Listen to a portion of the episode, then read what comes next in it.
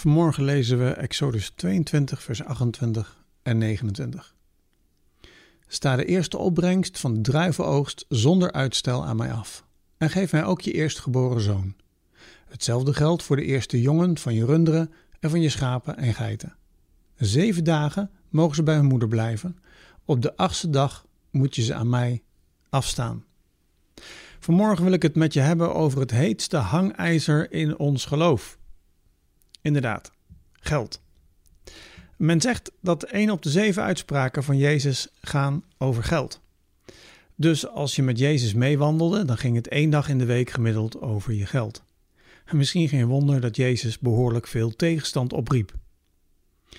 Hier in Exodus 22, maar ook verderop in de Torah, zou je de opmerkingen over geld kunnen samenvatten in twee regels.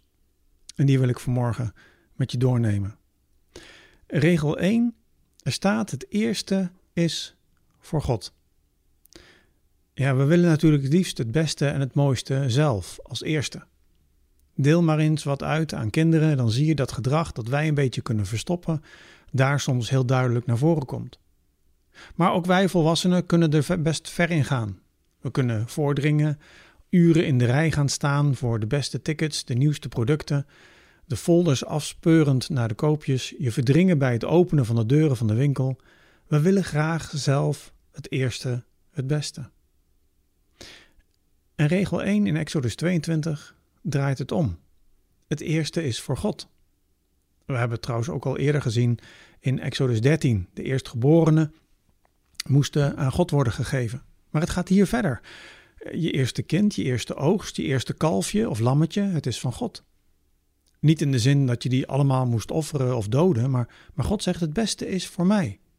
En dat betekende dus dat je je eerstgeborene zoon loskocht, dus een bedrag betaalde aan God.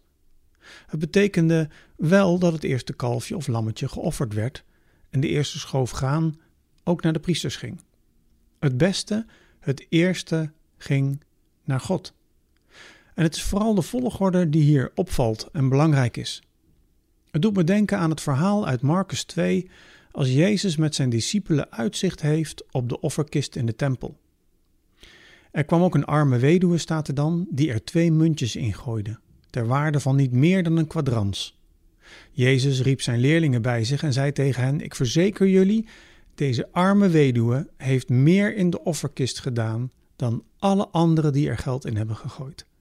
Want die hebben gegeven van hun overvloed, maar zij heeft van haar armoede alles gegeven wat ze had, haar hele levensonderhoud. Krijgt God als eerste?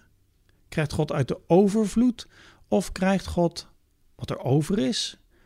Of als eerste? Wat is de volgorde? En dat principe gaat natuurlijk niet alleen om geld. Dat principe raakt bijvoorbeeld ook onze tijd. De dingen die we op waarde schatten, die we echt belangrijk vinden. Wat heeft dan prioriteit in ons leven? Soms is het makkelijk dat er structuren zijn die die prioriteit voor ons bepalen. dit was verplicht voor het volk Israël. Maar hoe zit het dan met ons?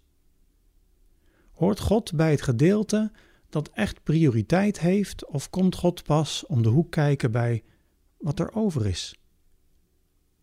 Wat de overvloed is? Komt Hij op de eerste plaats? We zingen het natuurlijk heel makkelijk. Hè? God komt op de eerste plaats. Maar op het vlak van tijd, geld, inzet, energie. Sterkte om daar eens over na te denken deze week. Heb een goede dag.